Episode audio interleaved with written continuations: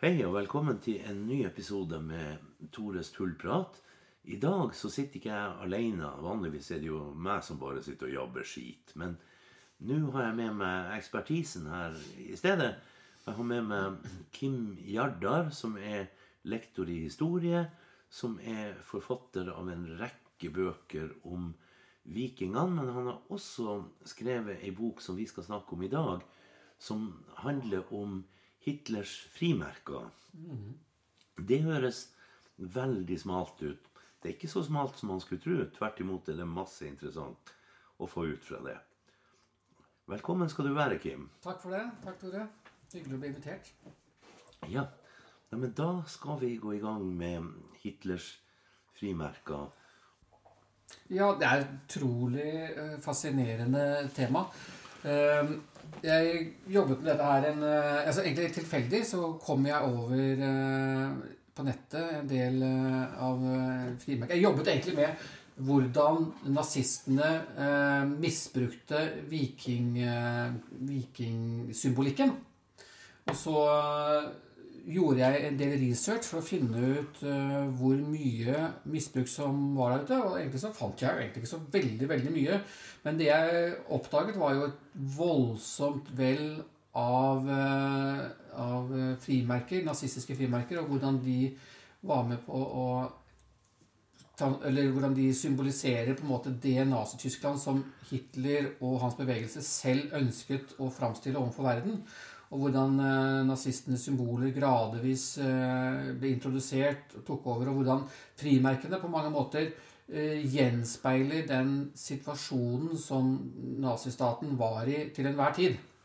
Det er jo en kjempeobservasjon, og det gjør jo det her temaet mye mer spennende enn man skulle tro. Så med det så skal vi gjøre oss klar til en god porsjon med Hitlers frimerker. Tores tullprat hver mandag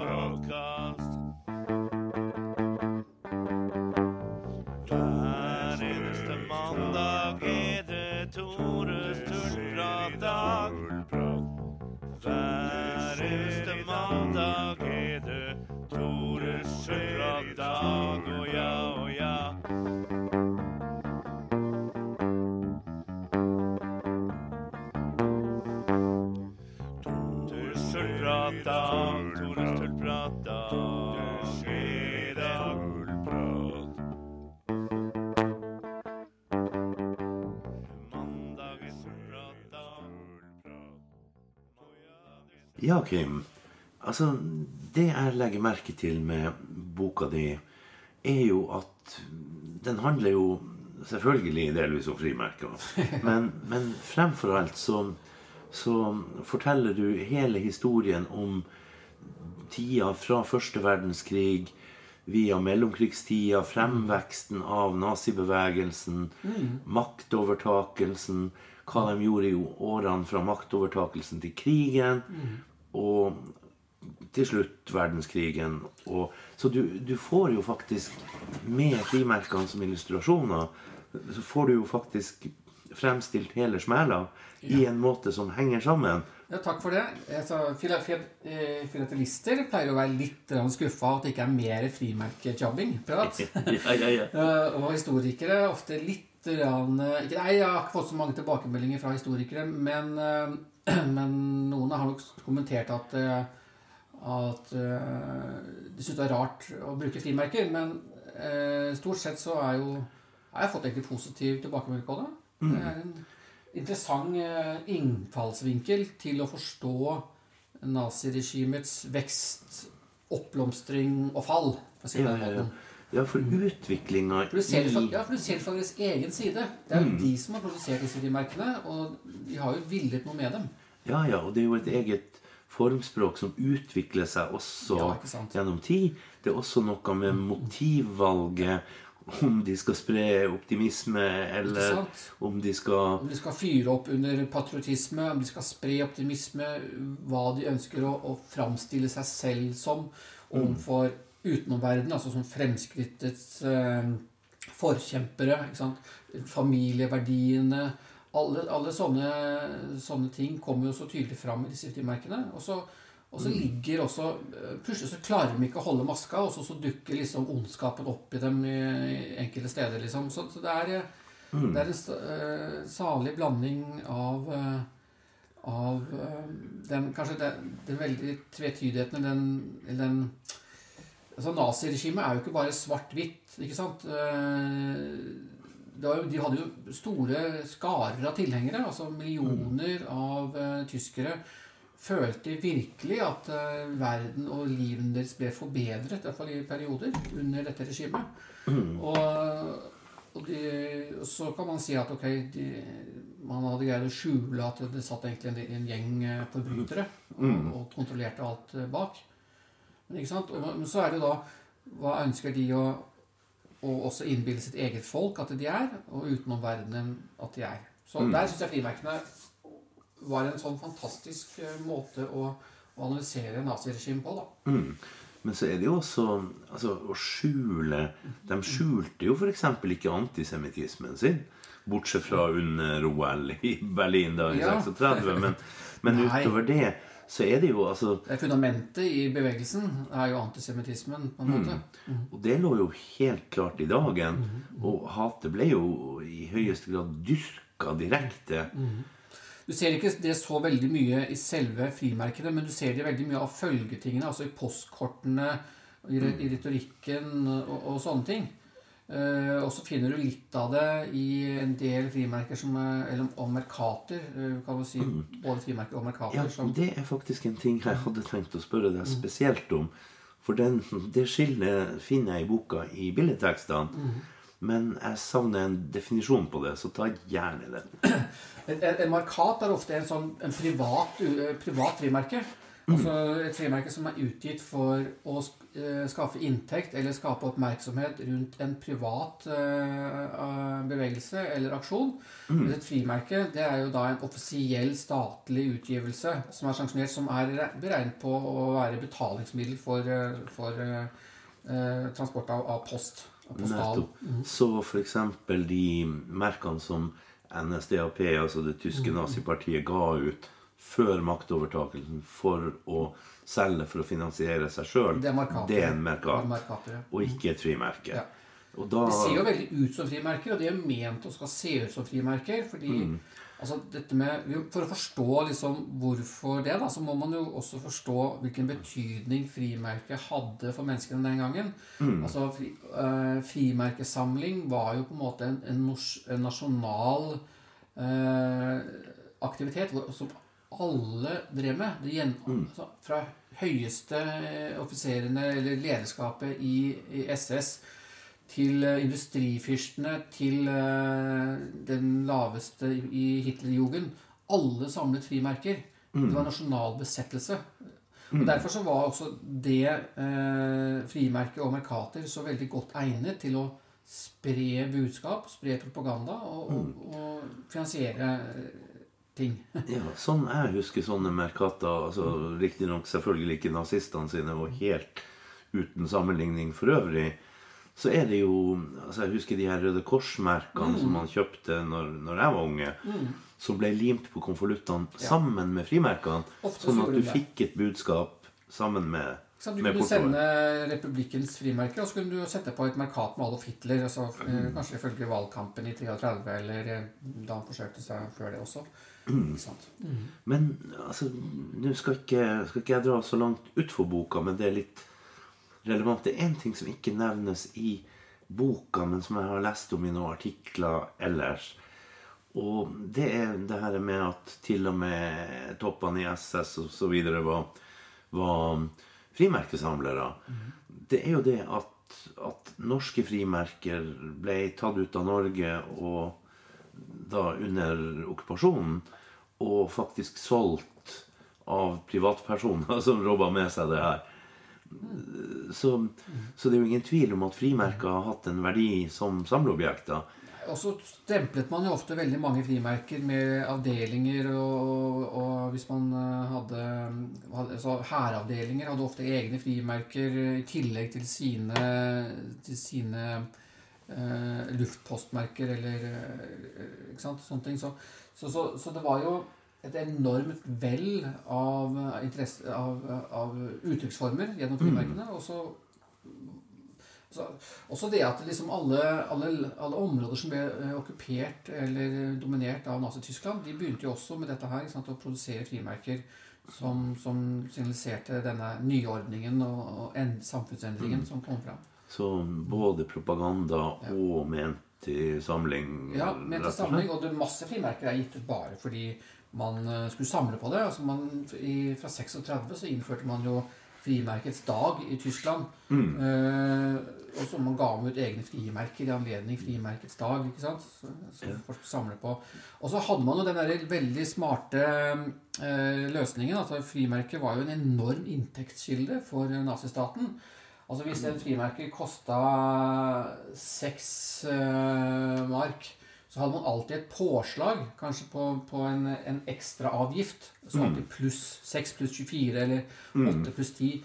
Og det var på en måte en sånn avgift som gikk til et sånn et fond, Vinterhjelpsfondet, som, som, nazistene arvet litt sånn fra Weimar-republikken.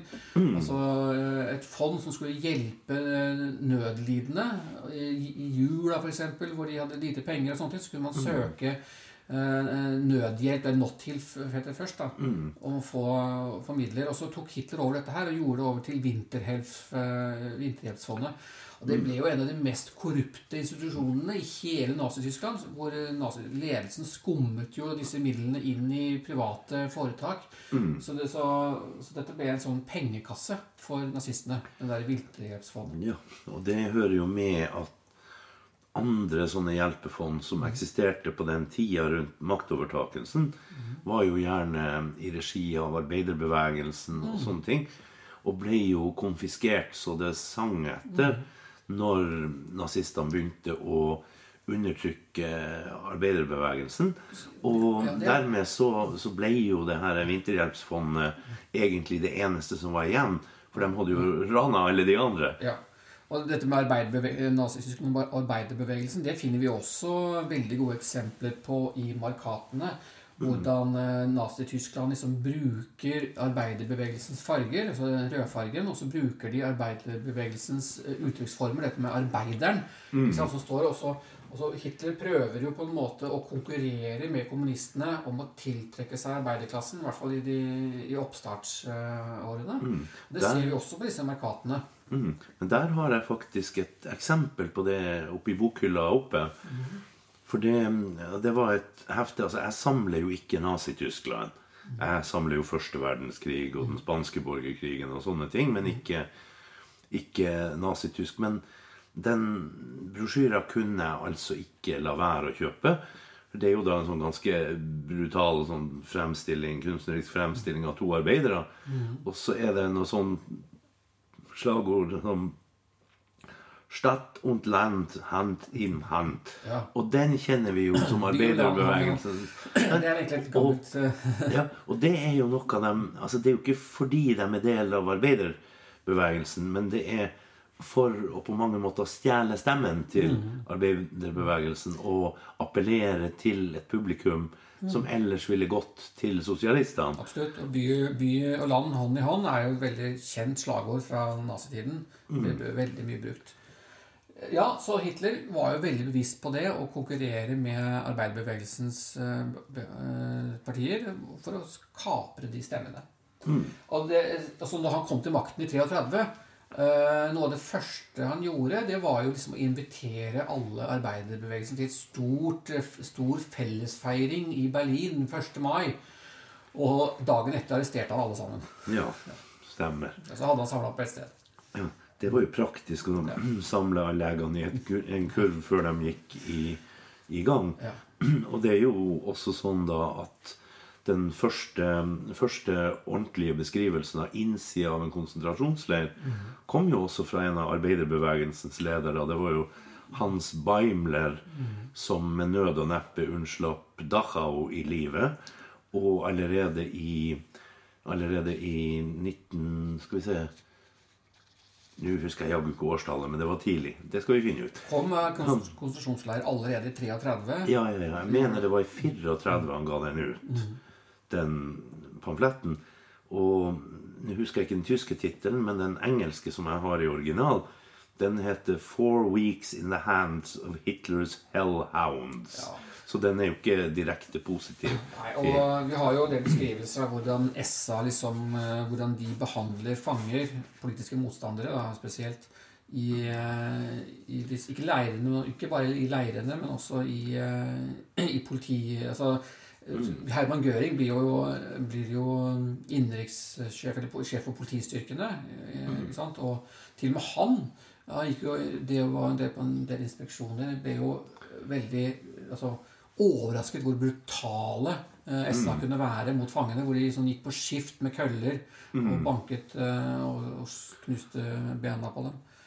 Ja, så, Ja, nei, det er, jo, det er jo Vi skal være glad vi kan lese om det og ikke oppleve det, en del av det her. Fordi en, en annen en som er en notabel herremann, nemlig, nemlig Rudolf Høss, må ikke forveksles med Rudolf Hess. Det er Høss. Han var da kommandant i Auschwitz og er kjent for det, og ble jo hengt for sin rolle der, og det var vel neppe ufortjent, for å si det sånn. Men han beskriver jo i sine memoarer, som han skrev mens han satt i fengsel i Polen og venta på å bli hengt, så, så skriver han jo også om starten på sin karriere i konsentrasjonsleir. Og det var i Dachau. Hvor han da prøver å fremstille seg sjøl som menneskelig og egentlig et empatisk menneske. Han lykkes ikke så godt, men han, han prøver. Og da skriver han jo om hvor hvor gjerne han unngikk prylestraff. Han syntes det var så barbarisk. Det med skrik og blod og alt det der der. Samtidig som han ble sjef for, for den lokale henrettelseskommandoen. Og de han i hovedsak fikk i, i oppdrag å henrette, var folk som egentlig var dømt til fengselsstraffer. Der man i hemmelighet omgjorde straffen til dødsstraff. Kjørte dem til Dachau, og det var først når man stilte dem opp mot muren, at de fikk vite at de var blitt dødsdømt. Og han skriver med, med stor irritasjon over et par, om et par brødre som snakka, og de skulle ha advokat, og de skulle ha prest, og det var et forferdelig mat. Så det var, det var en lettelse å si 'fyr'. altså det, det er altså så Det går så langt ut av alle proporsjoner. Kan, at så, så, jeg tenker at man, Det er vanskelig for oss å skjønne hvordan liksom, man kan bli så uh, altså, umenneskeliggjøre sine fiender på den måten at man kan behandle dem på den måten. da. Altså, samtidig så ser man i, sånn i frimerker og i andre typer former av propaganda et måte, det totalt motsatte bildet. Altså, vi vet at samtidig som de gir ut frimerker som, som forestiller eh, kulturhistoriske begivenheter, eh, Goethe, kjente mennesker som på en måte har bidratt stort til den tyske kulturen, mm. og som de ønsker å assosieres med og, og framstiller seg selv som å være etterkommere av, så stå, holder de på, på sånn på bakrommet. ikke sant? Det er akkurat den, altså dette, det er jo bare et nok eksempel på hvor, øh, hvor forbrytersk dette regimet egentlig var. Ja, ja. Altså, jeg legger jo merke til, når jeg nå har lest boka di og på relativt kort tid, for å si det litt mildt, det, så, så legger jeg merke til veldig kontraster også i hvordan de fremstiller seg. Altså, du har et sånt Det blir vel da et merkat, altså fra før maktovertakelsen, hvor du har slagordet 'Onsa di Zukunft', altså vår, 'Fremtiden er vår'. Nei? Som egentlig er et sånt optimistisk og Veldig optimistisk. ja, det, det kan ikke sant? Det, det kan konkurrere med mye av arbeiderbevegelsens budskap og sånn type ting. Og så har du f.eks. når du kommer til slutten av krigen, hvor det er veldig mørkt og dystert, og hele poenget er 'hold stand, hold stand', hvor alt skal vise besluttsomhet. Og motstand, det, det er altså en sånn utvikling i budskapet fra den der eh, fremtidsgreia 'vi skal ta over', og fre- 'fremtida er vår', til, til stå Ja, omring, omringet av fiender-fryken. Ikke sant? Det er det. Ja, ja, ja. Ikke sant? Ja, øh, og det, det, øh, og det de greide jo på en måte gjennom den retorikken i begynnelsen og denne fremtidsoptimismen som de prosjekterte, og, og denne kritikken av Versailles-traktaten og kritikken av det som på en måte de oppfattet som, eh, som dolkestøtet fra de gamle herskermaktene og fra andre bevegelser, da, jøder og sånne ting, sant? som de var sykelig opptatt av. Så, så greide de å skape faktisk en veldig ny giv og en ny entusiasme uh, i, det, i det tyske folket. Og, og sånn, og så kan man si at hvor, hvor reelt var det man graver i det.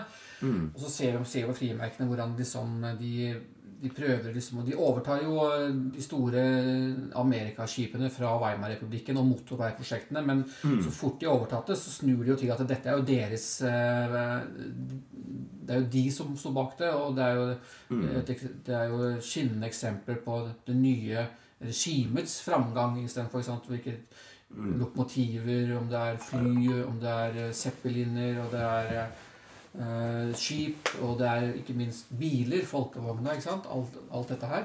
eh, signaliserer jo veldig stor grad den fremtidsoptimismen som, som hersker helt fram til sånn rundt eh, 38-39. Mm. Du har jo selvfølgelig folkevogna som et kroneksempel. Og det var vel faktisk et av de prosjektene de kan ta æra for. Ja. Selv om Det- sånn, det egentlig i motsetning til autobahn og Ja, ja. Amerikalinja. Ja, altså, det var jo Han hadde jo eh, Den bevegelsen hadde jo eh, genuint eh, Som veldig mange, da. Skulle jo omkalfatre samfunnet og, og, og ha omfordeling. Mm. omfordeling er jo en av de viktigste prinsippene innenfor fascismen. Det er jo at ressursene skal omfordeles. ikke sant? Og etter hvert så ble jo Hitler selvfølgelig blendet. Han, han var jo aldri noen ekte fascist, Adolf Hitler. Eh, og, og derfor så fikk han, og kom jo også den konflikten mellom han og SA opp. SA som ønsket denne eh, res- omstru- eh, grunnleggende omstruktureringen av samfunnet, mens Hitler som egentlig ikke ønsket det. Nei, altså SA, som da er Stormabteilung, altså, som, som rett og slett var en slags privat hær eller styrke, uniformert og med armbind og de berømte brune skjortene. Altså, de ble kalt brunskjorter, og det kom fra Postverkets eh, uniformer, var det vel? tror jeg? Ja. Det, så bare det, bare det likt og uniformt og samme farge. Kjøpte restopplaget. Ja, ja. Og det var jo modellert på Mussolini sine Svartskjorter. svartskjorter. Og og SA var jo, drev jo regelrett terror mot annerledestenkende. Og De var jo opprettet for å holde orden på møter, og ikke bare det, men de skulle også angripe motstanderens politiske møter. Og, og, og, og, det ble jo også det instrumentet som nazistene brukte under krystallnatten og, og når de angrep jødisk eiendom i, i stort monn og sånne ting. Så, så, og de ble ledet av Ernst Røhm, eh, som jo var eh, en som på mange måter anså Hitler som et instrument for seg. Altså Han feilbedømte Hitler totalt. Mm. han trodde at Hitler ikke kunne klare seg uten han, og han var veldig misfornøyd da med hvordan utviklingen ble. At Hitler gikk ikke langt nok. Og etter hvert så, så, så, så vet vi ikke om Ernst Røhm gikk rundt og planla om å bytte ut Hitler, men eh, Hitler kom iallfall i forkjøpet. da, for i sånn. høy grad. Det skulle vel koste Røm og ganske mange flere livet Ja. når, når de lange kniver snart Og da gikk, tok det jo ikke bare eh, SA-offiserer, og, og det tok jo også andre fiender i, i samme slengen. Mm. Ja, for det var, da, det var da Hitler rett og slett kunngjorde at, at han var blitt nasjonens øverste dommer Ja. og bøddel og det hele. Ja. Og, og rett og slett satte seg over lov og rettssystem. Mm. Og fikk vel, hvis ikke jeg tar helt feil, applaus fra Hindenburg på det. Gjorde han ikke det? Jo, Hindenburg var jo veldig glad for at han rydda opp eh, og tok eh, og, og fikk sendte jo et takketelegram til Hitler da, han, eh, da han tok Røm, Ja. faktisk. For det, altså bare så det er sagt, eh, von Hindenburg var jo da Republikkens president. ja, en legendarisk general fra første verdenskrig. Helten Blant- fra Tannenberg. er? Jepp. Fra slaget ved Tannenberg, hvor, hvor de rett og slett beseira en Russisk. gedigen russisk styrke.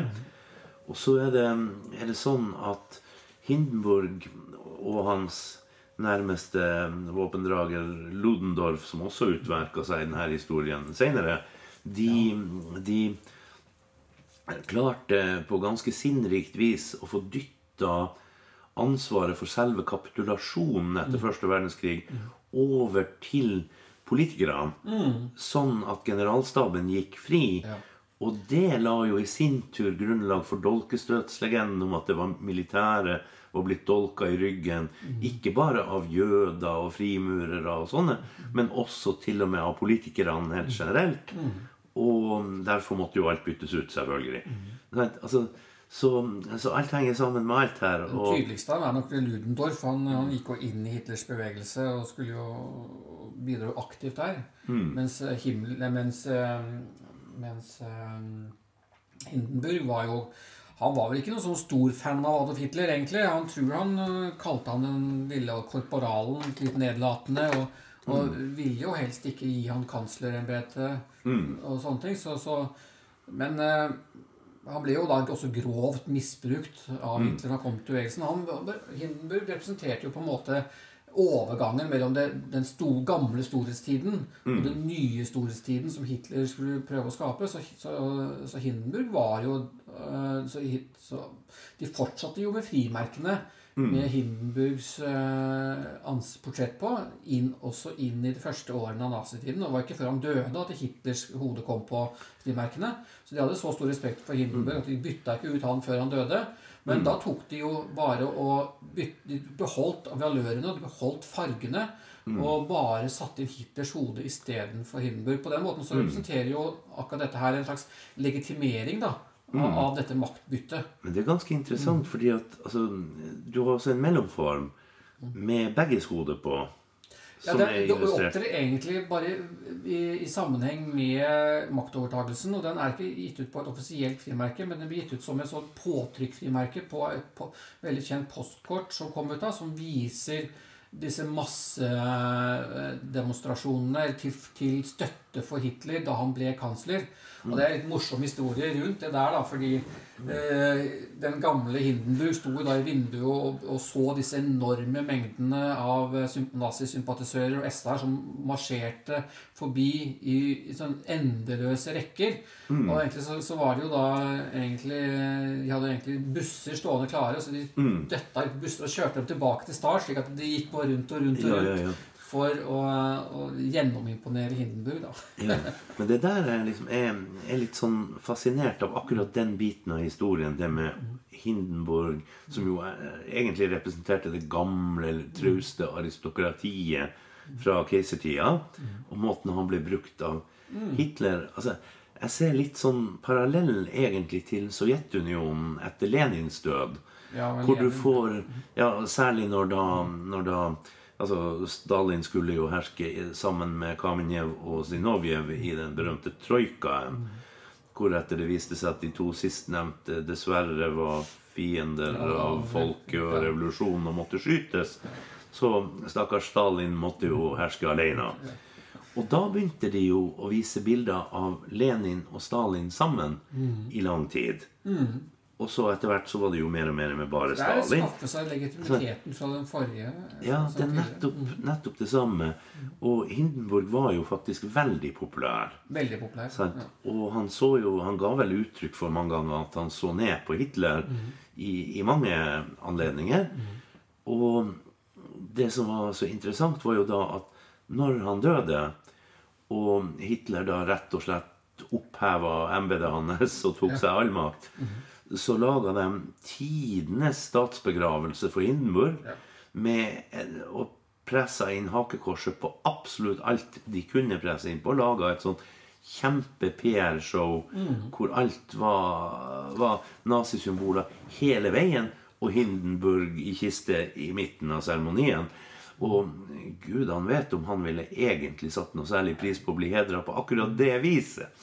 Akkurat det der er jo et veldig kjent, eh, kjent måte for rasistene å gjøre ting på. Altså det, det å gjøre ting med pomprakt og bare overdimensjonere alt. Så, Det er litt sånn den stilen som de bringer fram, eh, litt sånn brutalisme.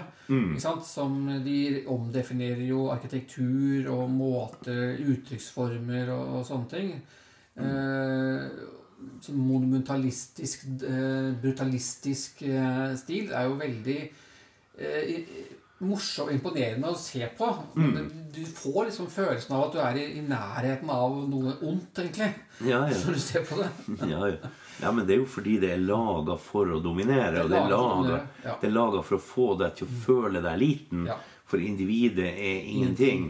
Sant? Og dermed så er det klart at alt som er laga for å få deg til å føle deg liten, vil jo ikke føles godt. Samme hvor monumentalt og flott bygd det måtte være. Og mange av de byggene endte jo opp på frimerkene. Det er interessant. ikke sant? Eh, Både eh, altså Noen av disse byggene er jo for før eh, nazitiden også, men de har på en måte i seg den stilen og den brutalistiske stilen som nazistene ønsker å, å fokusere på i sine egne byggverk. Så derfor så er de, kan de overføres. Og det, det er en del flotte frimerker av eh, arkitekt, arkitektur. Her har vi et her fra, liksom, fra Rikskanselliet i, i, i Berlin, og det er broer og stadioner og alle sånne ting som har den stilen. Så, så de, det er igjen dette med å, å, å framstille seg som, som noe nytt, og som frem, fremtiden, da. Ikke sant? Ja, ja, ja. Nei, det, er, det er ganske utrolig hvordan alt henger sammen med alt. Og det er formgiving Altså når du tar utgangspunkt i frimerker i boka di, så er det jo altså én side av formgivinga som naziregimet sto for. For de hadde jo, de hadde jo et veldig fokus egentlig på form. Og det har jo med arkitektur å gjøre. Det har like mye med altså, de her enorme enorme mm, samlingene de hadde i Nürnberg, f.eks., med tette rekker med uniformerte mennesker og flagg og fakler. Og ikke sant, det her med å imponere gjennom størrelse på, på ting er jo ganske fascinerende. I tillegg så har du jo det her med, med at de var veldig bevisst på f.eks. uniformer. Ja. Det er jo en myte om at Hugo Boss var den som, ja, som designa det var det ikke, men han, produ- han Boss eh, produserte dem Definitivt. for SS. Mm. Men det har da blitt på folkemunne til at han designa dem. Ja. Det gjorde han ikke. Det var to andre ja. som gjorde. Men, men det, er jo, det er jo ganske interessant, bare det. Altså, det hender jeg spøker litt med at ja, ja, britene vant verdenskrigen, og tyskerne vant designkonkurransen. Ja. Og, Så 1-1, på en måte. Det er sånn som når eh, Hitler arvet jo på en måte eh, altså Postverket, som ble den, kanskje den viktigste institusjonen for propaganda i Tredje riket. Det var ikke bare post, de drev jo også med radio og sånne ting. Og så drev de faktisk også med atomforskning. Altså Postverket driver med atomforskning. Det, det er litt spesielt. Men Det, så det sier litt om hvor, eh, hvor tett eh, dette, denne denne institusjonen ble eh, integrert i det nazistiske systemet. Eh, og i, i begynnelsen så, så måtte jo Hitler på en måte Han hadde jo tenkt å få ut noen frimerker med en gang mm, som markerte maktovertagelsen. Eh, men det fikk han ikke. Derfor fikk han beskjed fra de myndige herrene i, i, i direktoratet at eh, det var alle planlagt, så det kunne han bare glemme. Så det, men det de kunne gjøre, det var jo å legge på vannmerket med, med hakekorset. Eh, så det var det første som gjorde. Men dette førte til at Hitler bestemte seg for å bare bytte ut eh, hele ledelsen og, og nazifisere hele departementet. Eh, så det var det første departementet som ble nazifisert. Og hele deres ble byttet ut, og så begynte jo frimerkene å komme med hakekors og, og, og, og akkurat sånn som Hitler ville ha det. Og de var vel også de første som kasta jødene ut fra Ja, sine rekker som arbeidstakere. Absolutt de første. Så- men så arvet jo også Hitler eh, en del av disse kunstnerne og gravørene fra det gamle regimet. Så de første frimerkeseriene som kom ut, eh, litt inn på 36 også, var jo gravert og lagd av, av kunstnere som var anerkjente før Hitler også. Men så begynner også nazistenes eh, egne illustratører å komme inn. Du har for eksempel sånn som Tors Hammer, var det en mann som kalte seg. Som også, Mjølnir. Mjølnir, eller ja, Mjølnir. Og det var flere av dem også. Vi har jo også vår egen i Norge. Mm, Damslett. Damslett, ja. Mm. Så, så, sånn sett så, så får jo nazistene på en måte kontroll også over bildespråket i veldig veldig stor grad. Ikke, Også alle frimerker sies det også måtte innom Hitler for hans personlige godkjenning. Og det, det tenker jeg det vil være sånn typisk Altså Han Ja, det rimer jo med insistere på. Ja, ja, det rimer jo med en toppstyrt stat også. Det Det, du har det som på nynorsk kalles for micromanagement. Ja. Altså det, han hadde jo en finger i det meste og anså seg som kompetent til det meste. I begynnelsen, på slutten så, så ga han F i alt. Jo, jo, Ja. men da, da var han nok litt sløva av både den ene og den andre substansen og, og litt sånn, pluss at han vel var, var syk. Altså Man ser jo på filmer fra de siste dagene hvordan han skjelver og, og sånt. Det Det er siste vel voldsom overdreven medikamentbruk blandet med, med stress Mm. og, og, og sånne ting. Så. Ja, ja, ja. ja, man kan jo altså, Uten at jeg skal uttrykke så altfor mye forståelse for Hitler, så kan man forstå at de siste dagene kanskje var noe stressende. Ja.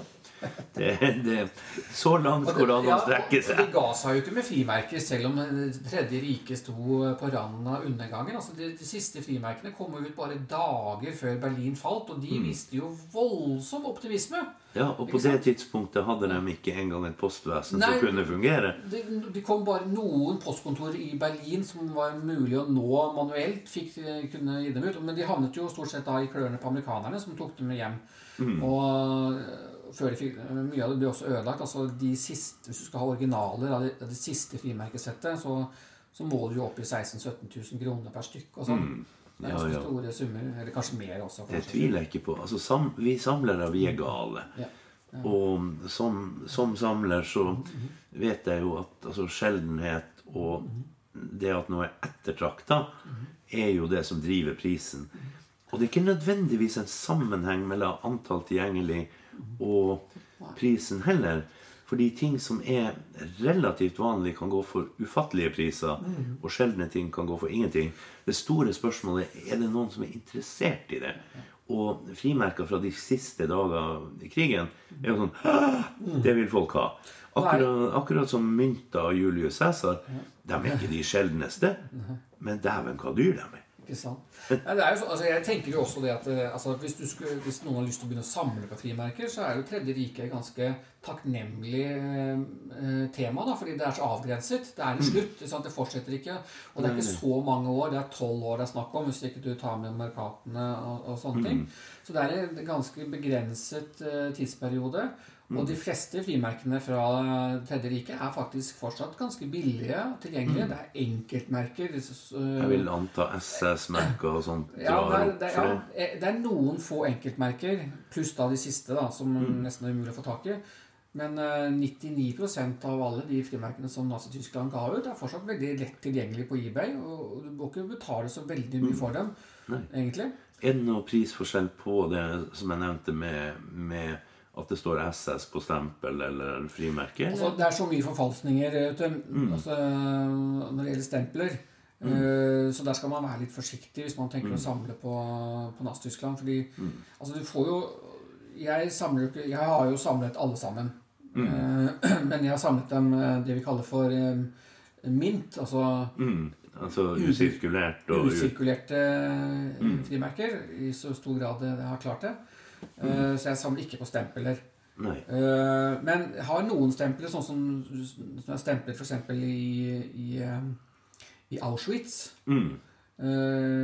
Eller stemplet på spesielle dager. Altså, man stemplet jo enorme mengder, fordi frimerkesamlingen var så omfattende i Nazi-Tysk- i Nazi-Tyskland at man stemplet liksom så voldsomme mengder med, med frimerker. Så det er nesten lettere å få tak i, vanskeligere å få tak i frimerker som ikke har stempel, enn som har et eller annet stempel. Ja, ja. Det som faktisk er litt interessant, spør du meg, det er jo det at, at altså, man samler jo på ting mm. innenfor et tema og sånt, men så, la, så begynner man å produsere ting for samling. Ja? Som f.eks. førstedagsbrev, Ja. Hvor man da stempler så uhorvelig mange at altså, Jeg samla jo en gang i tida i barndommen på bl.a. førstedagsbrev. Og de er praktisk talt ingenting verdt. Mens, da, mens da andre merker jeg har, som jeg bare tilfeldig har snubla over, er verdt mye mer, og de er bare laga for å brukes. Ja. Og så er det bare færre igjen og et interessant tema. Sånn, Så det, det er Nok en gang, det er ikke Altså, verdien bestemmes ikke bare av hvor flott ting er. Nei, så Man skal være litt sunn skeptisk til eh, hvis man blir tilbudt eh, frimerker fra Tredje rike, som er veldig dyre. Eh, det er bare noen få som er det. Altså, men der er, Det er jo litt sånn spesielt. altså for eksempel, Det kommer jo ut en, en stor samling med frimerker som knyttet til Wagners operaer, som jo var jo veldig, Hitler var veldig fan av. Så, og den, eller en serie med, med Zeppeliner, sånt, noe, som, mm. jo kanskje koster en eh, 4000-5000 kroner for settet. Ja, ja. Men, men zeppelinere, de, de fascinerer jo flere miljøer enn bare filatelister. For det fins jo store miljøer som, som gisper ved tanken på en zeppeliner. Ja. Og, og dermed så har du jo Har du jo med en gang flere markeder. Og det drar opp prisen med en gang. Du, du får jo en komplett eh, samling med, altså med ubrukte frimerker fra Nazi-Tyskland for eh, under 100 000 kroner. Det er Med de beste verkene i, da. ja. Tatt i betraktning hvordan andre samleobjekter fra Det tredje riket er priser, så er jo det egentlig en ganske utrolig pris. Det er jo ellers helt voldsomt hva samlere vil gi for objekter fra den tid.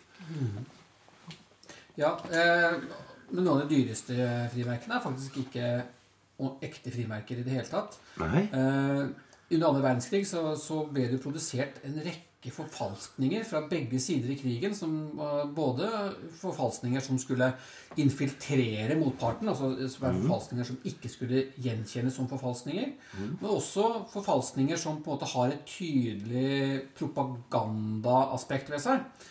Og disse frimerkene er, koster ganske mange tusen kroner per stykk i dag. Og både amerikanerne og engelskmennene ønsket jo å bruke det tyske postvesenet, som var utrolig effektivt, til å spre propaganda inne i det tyske riket.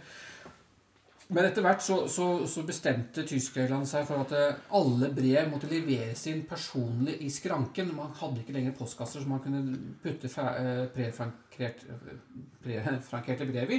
Man måtte kjøpe frimerker personlig i skranken, og så, så ble det satt på slik at det ikke var rom for, eller for, for falske brev. Så formålet for det var rett og slett å unngå misbruk av postvesenet Ja, ja. på den måten? Ja. Og fordi amerikanerne og engelskmennene eh, kopierte en god del eh, av de vanlige standardfrimerkene til Tyskland og sendte inn brev eh, som utga seg for å være tyske, med, med oppfordringer og til, til motstand. Og etter at tyskerne stengte eh, adgangen, da, så, kom de opp med veldig eh, spektakulære måter å gjøre det på. For så bombet de posttog. Slik at posten lå spredd utover, og så plantet, kastet de ut eh, sekker med falske brev, med frimerker, oppi haugen av bombete der toget var bombet.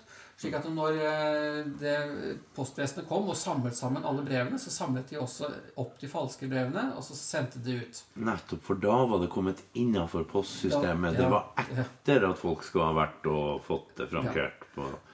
Så det, det er en sånn måte. Og så hadde man noen sånne sideprosjekter. Eh, Blant annet eh, engelskmennene hadde noe som het unnskyld, Operasjon Cornflakes. Og det var, eh, Tanken var der at, eh, de skulle, at Operasjon Cornflakes skulle både produsere disse falske nyhetene, fordi de tenkte at uh, tyskerne skulle få servert falske nyheter til frokosten. Så mm. Operasjon Cornflakes.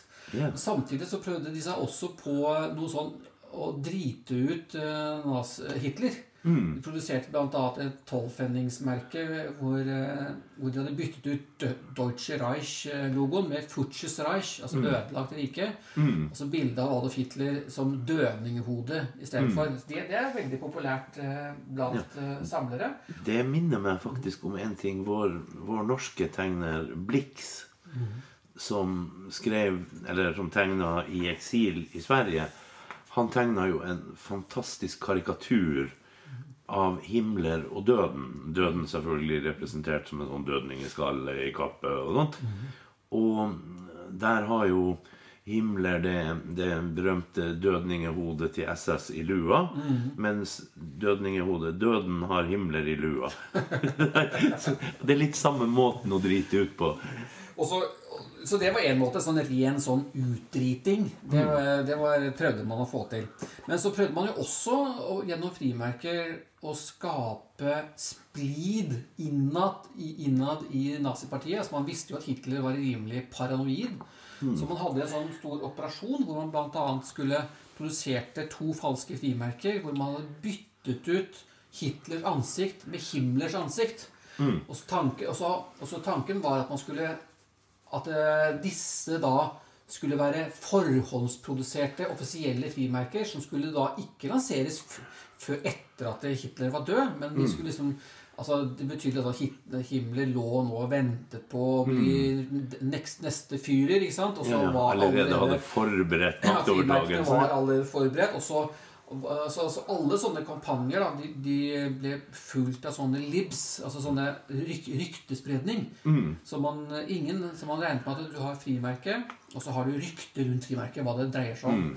Så en Mm. Og da- sånn libs var at, at det, dette ved en feiltagelse hadde sluppet ut da, i Mm. i postvesenet. Og så prøvde eh, britene også sende dette her f.eks. til prominente personer i Sverige. Og de sendte det til den tyske ambassaden i, i Spania. For, for, men ingen la merke til det. Nei. altså, frimerket, altså, så hadde håpet, håpet var jo at da skulle liksom disse rapporterer tilbake til Berlin. Se hva vi har funnet. liksom. Dette er, Her er det et eller annet på gang. Og så skulle det skape misnøye, og Hitler skulle bli sur på Himmler. Og så kanskje eh, skape uro i, i nazisystemet pga. dette. Ja. Men det verste er jo at altså, det her eh, er jo altså, Selv om det var mislykka på den måten at de overså det overalt og ikke skjønte De, betydninga de av det overslår det en stund, da. De, de, de, de, Britene ga seg jo ikke. Nei. Men, men, men selv om det eh, ikke egentlig altså det, det virka jo ikke da til å så splid mellom Himmler og Nei, det Hitler. det. Men samtidig så var det jo en aldeles glimrende tanke, og rotfesta i fakta, for Hitler var bra paranoid. Og når vi kommer lenger mot krigsslutt, Ja, hvor han er mer eh, desperat, så har du jo Göring som Hvor det kommer Hitler for øre at Göring prøver å ta over, og ja, i det hele tatt som får Hitler til å forlange han arrestert og skutt, og, og som førte til at Göring ikke var den som tok over, men Dönitz. Så, så, så andre ord, det var jo rotfesta i åpenbart dyp kjennskap til mannen, og hvordan han var skrudd sammen. Og det kunne jo ha funka. Det er jo en, en glitrende glitrende det funka egentlig, skjønner du, fordi eh, etter krigen så viste også eh, noen av de Så, så holdt jo Nazistene holdt jo også på med sine prosjekter. Og, og, og spesielt i Sachsenhausen så hadde SS et stort forfalskningsprosjekt hvor de forfalsket britiske pund ved hjelp av eh, jødiske håndverkere. Og en av disse kommer fra Norge. Og, og han fortalte eh, faktisk etter krigen at Himmler ble presentert for en av disse frimerkene med sitt eget portrett. Og de trodde han skulle bli liksom eh, og litt kry og, og litt begjæret. Men han ble fullstendig rasende, så sier han. Han så dette her, og han krevde hevn, faktisk.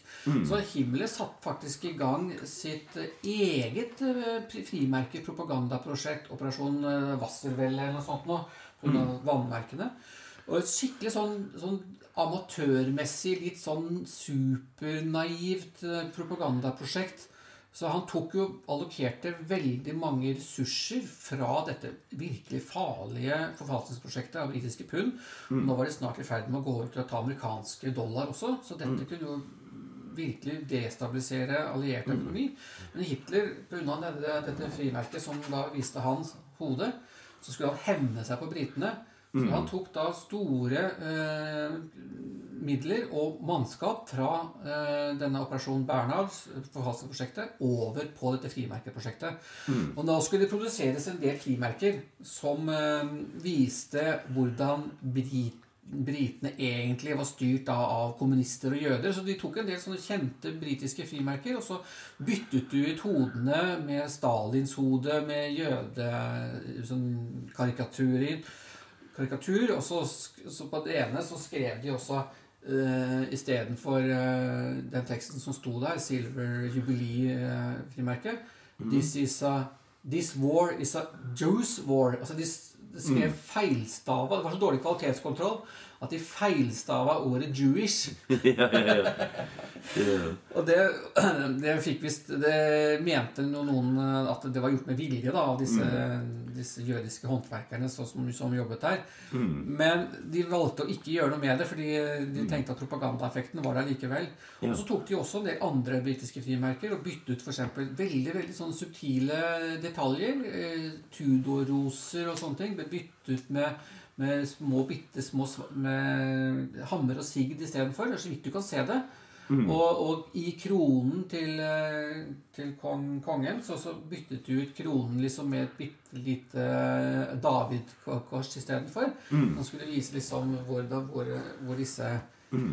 Hvem som egentlig styrte, da. Det britiske imperiet. altså, når jeg hører det her, så får jeg litt sånn flashback til, til ting fra, fra første verdenskrig òg. For det er én ting som kjennetegner det her som skjedde under første verdenskrig, var jo at den britiske propagandaen var til tider veldig subtil. Den var også voldsomt rå og brutal. og Overgrepspropaganda. ja, ikke minst overgrepspropaganda. Og mye, mye mer også. Altså, det var veldig, veldig rått og stygt på så mange måter. Men det funka. De klarte å få veldig effektiv propaganda. Absolutt. Mens den tyske var famlende og egentlig sånn Ja, men vi har rett, det må dere jo Ja, ja. Gud, Gud straffer England, Gud Ja. er med oss. Og så Mm. Propagandaen går ut på liksom tyske soldater som vandrer gjennom blomsterenger og tenker på Ja, sin kjære. Det var liksom veldig tam propaganda som Ja, tyskerne drev med. Kvinner med, med pigghjelm på hodet som kysser kjæresten farvel. Ikke sant? Mens britene bare rough, overgrep, overgrep, overgrep. Ikke sant? Mm. Husk Lusitania. Eh, tysk kultur har vandret her, så ser du døde folk overalt. ikke sant? Ja, ja, ja. Eller, eller, eller Cowell som ble, som ble drept, liksom. Og den her, som eh, holder opp nå, det er altså da en tysk bajonett med sag på ryggen av bladet. Ser fæl ut. Den ser fryktelig ut. Den er faktisk egentlig ikke laga sånn ja. for å gjøre Det er, for, det er propaganda for å lage se hvor stygt eh, tyskerne egentlig var. Så var Ja, ikke sant? Ja. Men egentlig, altså det, Og det er jo et tysk våpen, den bajonetten her. Men det at de har laga sagtenner på bladryggen av den, er for at pionersoldater, altså sånn ingeniørtropper, skal ha sag tilgjengelig. Alle i ingeniørtroppene fikk, fikk sånne. Og så fikk underoffiserene det, sånn at hver enhet skulle ha ei sag tilgjengelig i felt. Og, men britene laga jo myter om at de her sagtennene ville rive tarmene ut av folk og sånn. Det går for øvrig ikke an, fordi sagtennene går feil vei. Men det, det er sånn, altså Du kjenner det igjen. Du finner det i øyenvitneskildringene. Nesten ikke en engelskmann som beskriver å bli angrepet med en sånn. Men frykta for det når de ligger i et granatkrater og venter på og ser for seg at det kommer svære tyskere med sag på bajonetten. ikke sant? Ja, ikke Og det- sant? og det virker. Hitler roste jo britisk propaganda for å være særs effektiv. ikke sant? Og tok jo, tok jo veldig mye lærdom fra hva, hvordan britene mm, brukte propagandaen, og han selv begynte dette her. Ja. Og, men så fikk dette havet var jo et tveget sverd for britene, fordi eh, de ble jo på en måte litt avslørt. Mm. Og folk skjønte at de hadde smurt eh, virkelig på. Så da, da britene begynte å melde om eh, gassing av jøder i konsentrasjonsleirene i 42-43, Mm. så var det ingen som trodde på dem. fordi dette var liksom bare gamle trikset til britene Mm. Ja, om ja, igjen. hørt den før, ja. Ikke sant, hørt den før. Og så, så, så Mm. forsterka man bare lidelsene. Så det er litt Ja, men samtidig det der eh, frimerkeprosjektene du forteller om, propagandaen der, forteller jo at, at allikevel så har du litt det samme som under første verdenskrig. For du har en veldig sånn effektiv og godt gjennomtenkt britisk strategi med det. Og en sånn nærmest sånn barnslig, sur tysk reaksjon, altså via Ja. Himmler. Ja. Sånn, hvor, hvor det egentlig mest er sånn at du ser på de merkene, og, du, og man kan jo le seg skakk av utforminga på noen av dem. Og det blir jo litt sånn altså Jeg skjønner jo faktisk at Himmler ble sint og ikke beæra. For man må jo gå ut fra at han ikke var dummere enn at han skjønte at det her kan drive en kile mellom han og Hitler. Og i verste fall kan han stirre inn i feil ende av et gevær. Ikke sant? Så Det, så, så han må jo ha skjønt det. Men svaret hans var jo liksom litt så infantilt mm. og litt sånn, litt sånn dårlig. Men, men det har jo ettergitt Eller det har jo gitt oss en sånn fantastisk filatelistisk eh, arv, da. Akkurat disse falske frimerkene og propagandafrimerkene.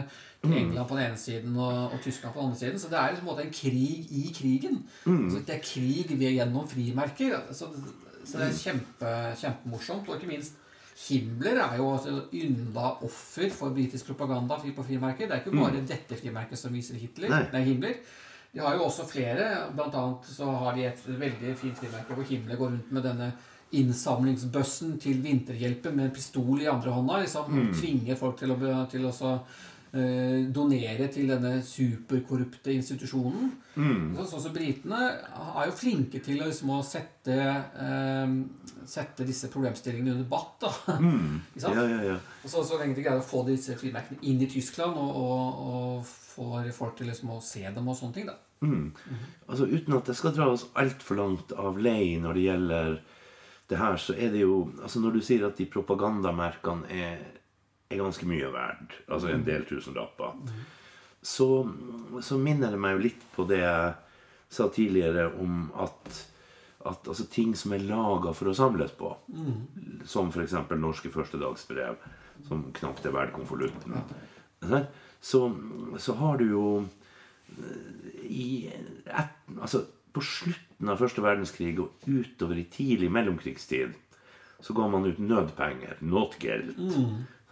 Og de var jo i utgangspunktet rett og slett pga. at det var pengemangel. Altså Man hadde ikke penger som sirkulerte i befolkninga som kunne holde ting i gang. Så lokale altså kommuner, byer sånn, ga ut sine egne sedler med en sånn begrensa varighet.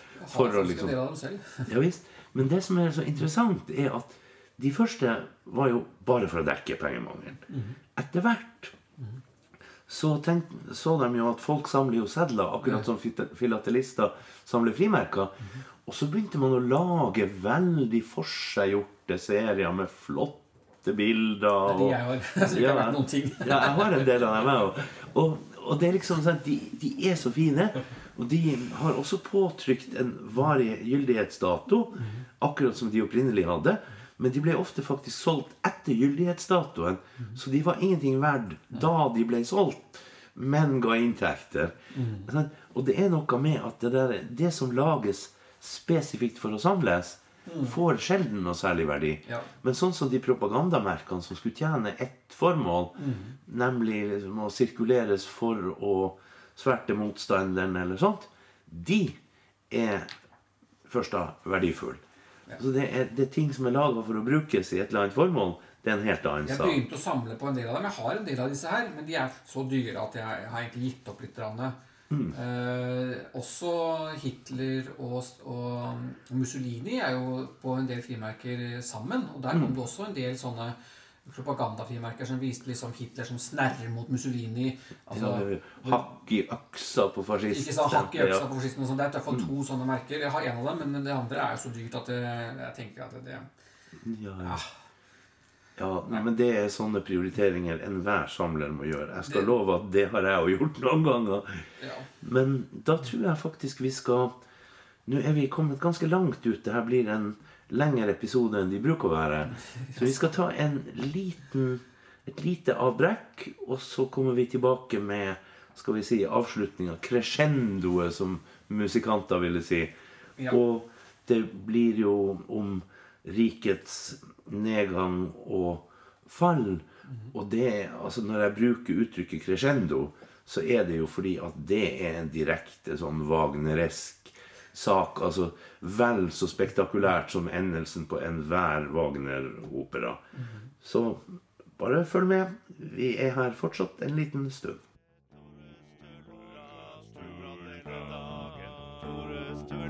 Hver mandagkast.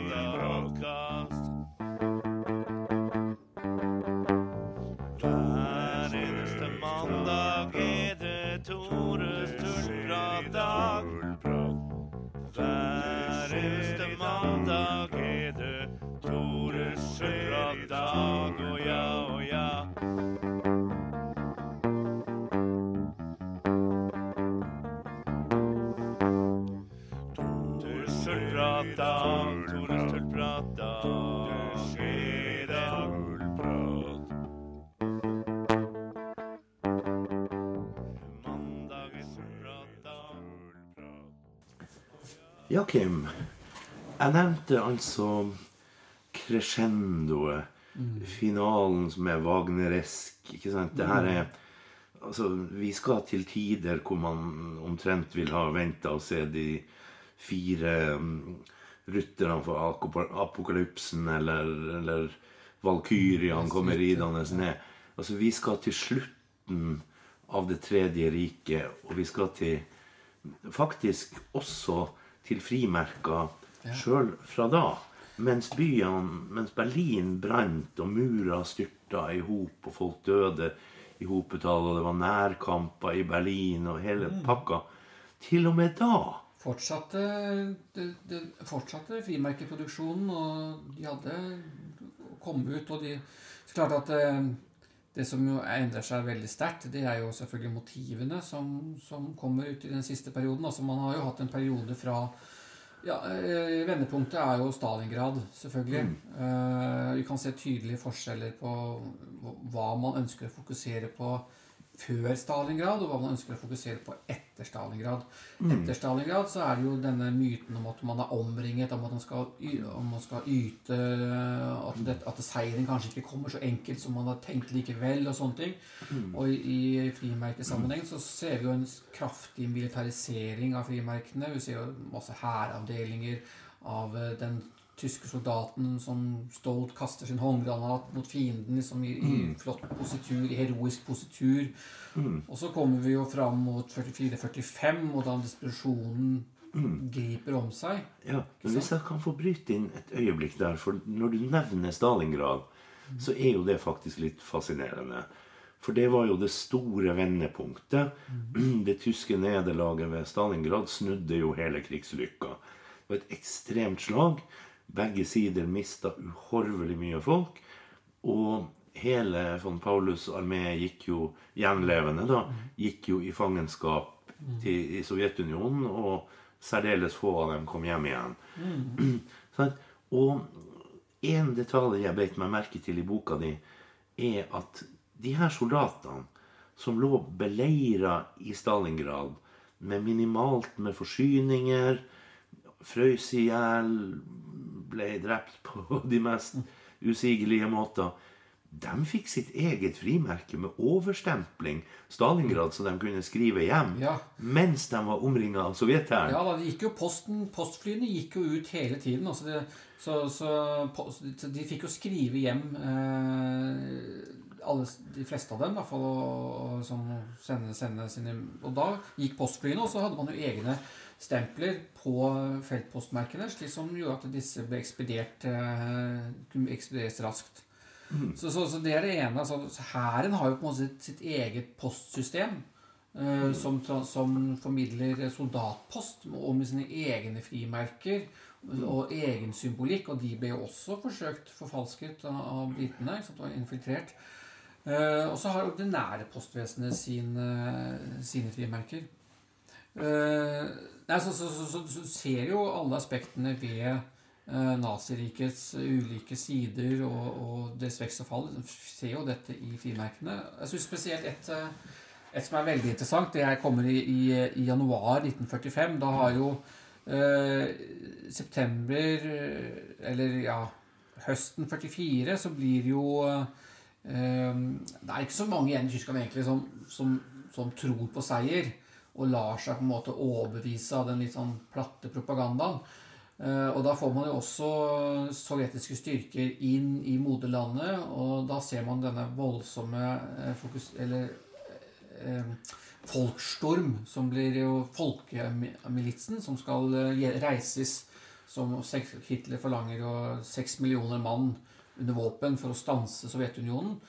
Og de kommer på frimerket. Ja, nå snakker vi altså folkstorm, bare så det er sagt. Det er ikke vanlige vernepliktige. Nei. Det er gamle gubber. Det er barn Ja. i 13-14-årsalderen Ja. som får praktisk talt ingenting å forsvare seg med.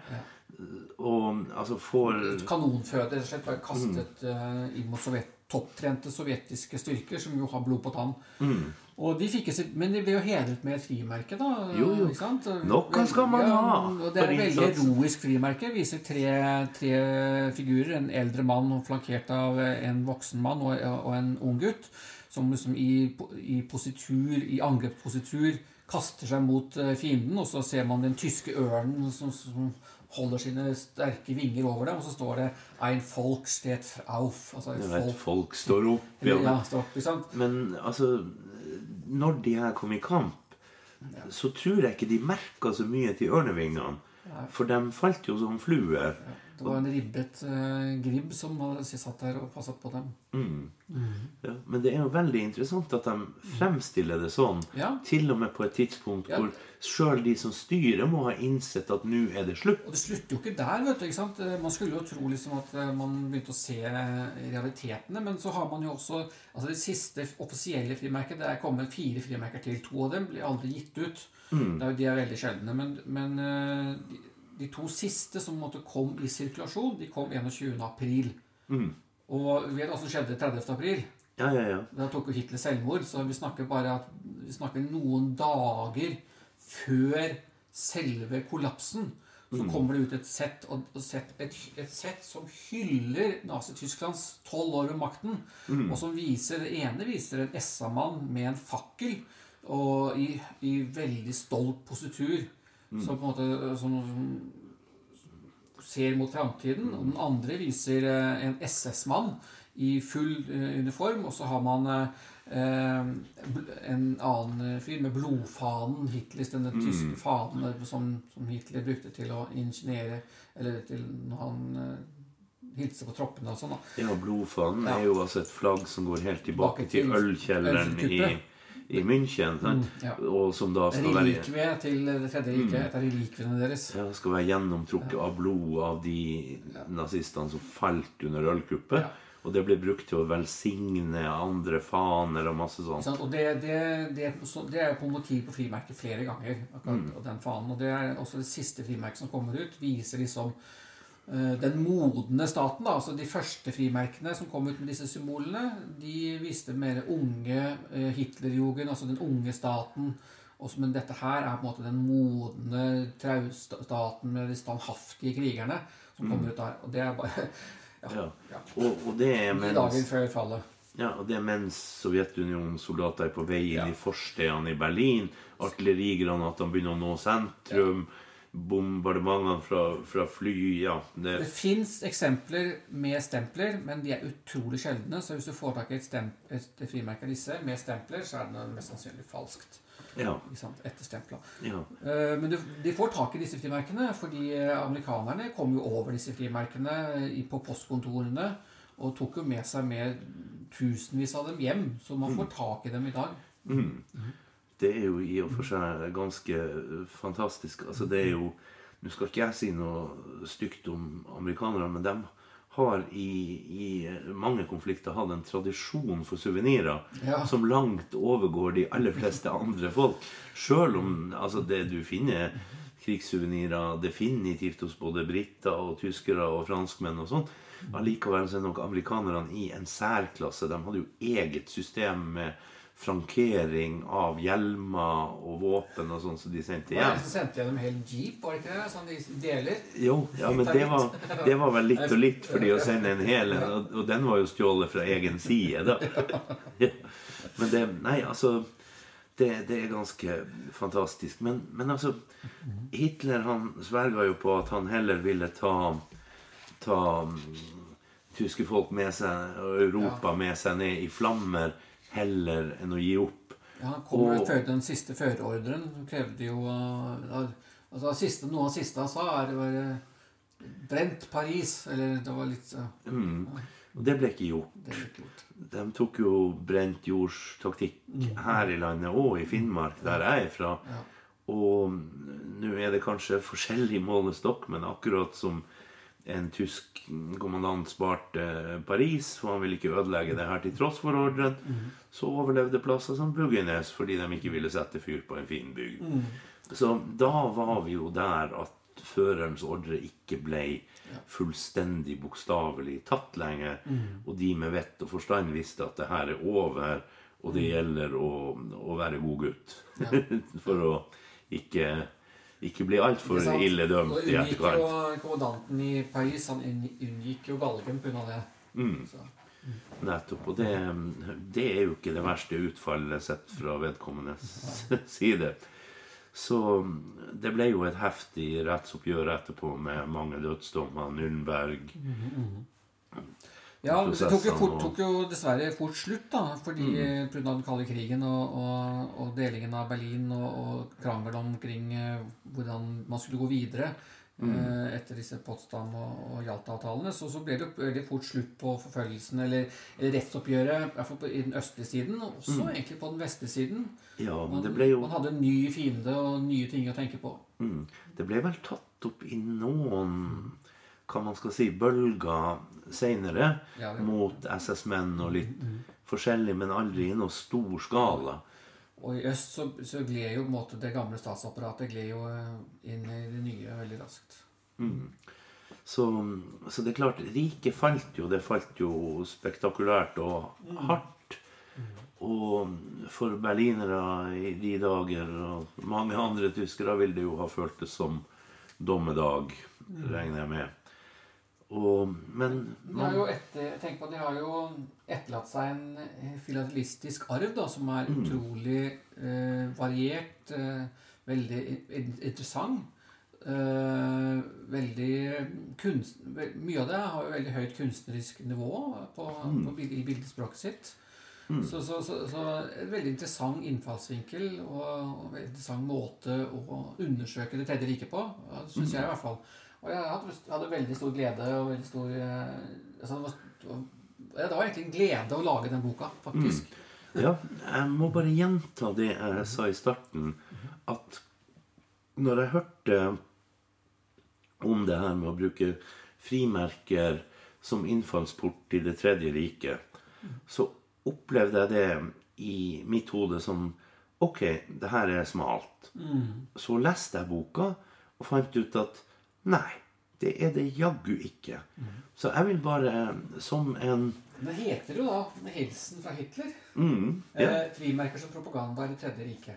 Ja, og jeg vil absolutt anbefale folk som er interessert i historien rundt Det tredje riket og annen verdenskrig, å lese denne boka. For den er faktisk Altså ikke fallen for ideen om at det her er så smalt. For det er faktisk ei bok som man har igjen for å lese. Så med det tenker jeg å avslutte denne episoden med en enkel oppfordring. Få tak i 'Med hilsen fra Hitler' av Kim Jardar, og les den. Det har du noe igjen for. Og med det så vil jeg si, Kim, tusen takk for at du stilte opp. Takk for at har jeg fikk komme. ja, det her har vært en fascinerende samtale. Det her har blitt en lengre episode enn, det har, enn jeg bruker å lage. Men jeg tror ikke jeg skal kutte et eneste ord. Takk skal du ha. Takk selv. Hver mandag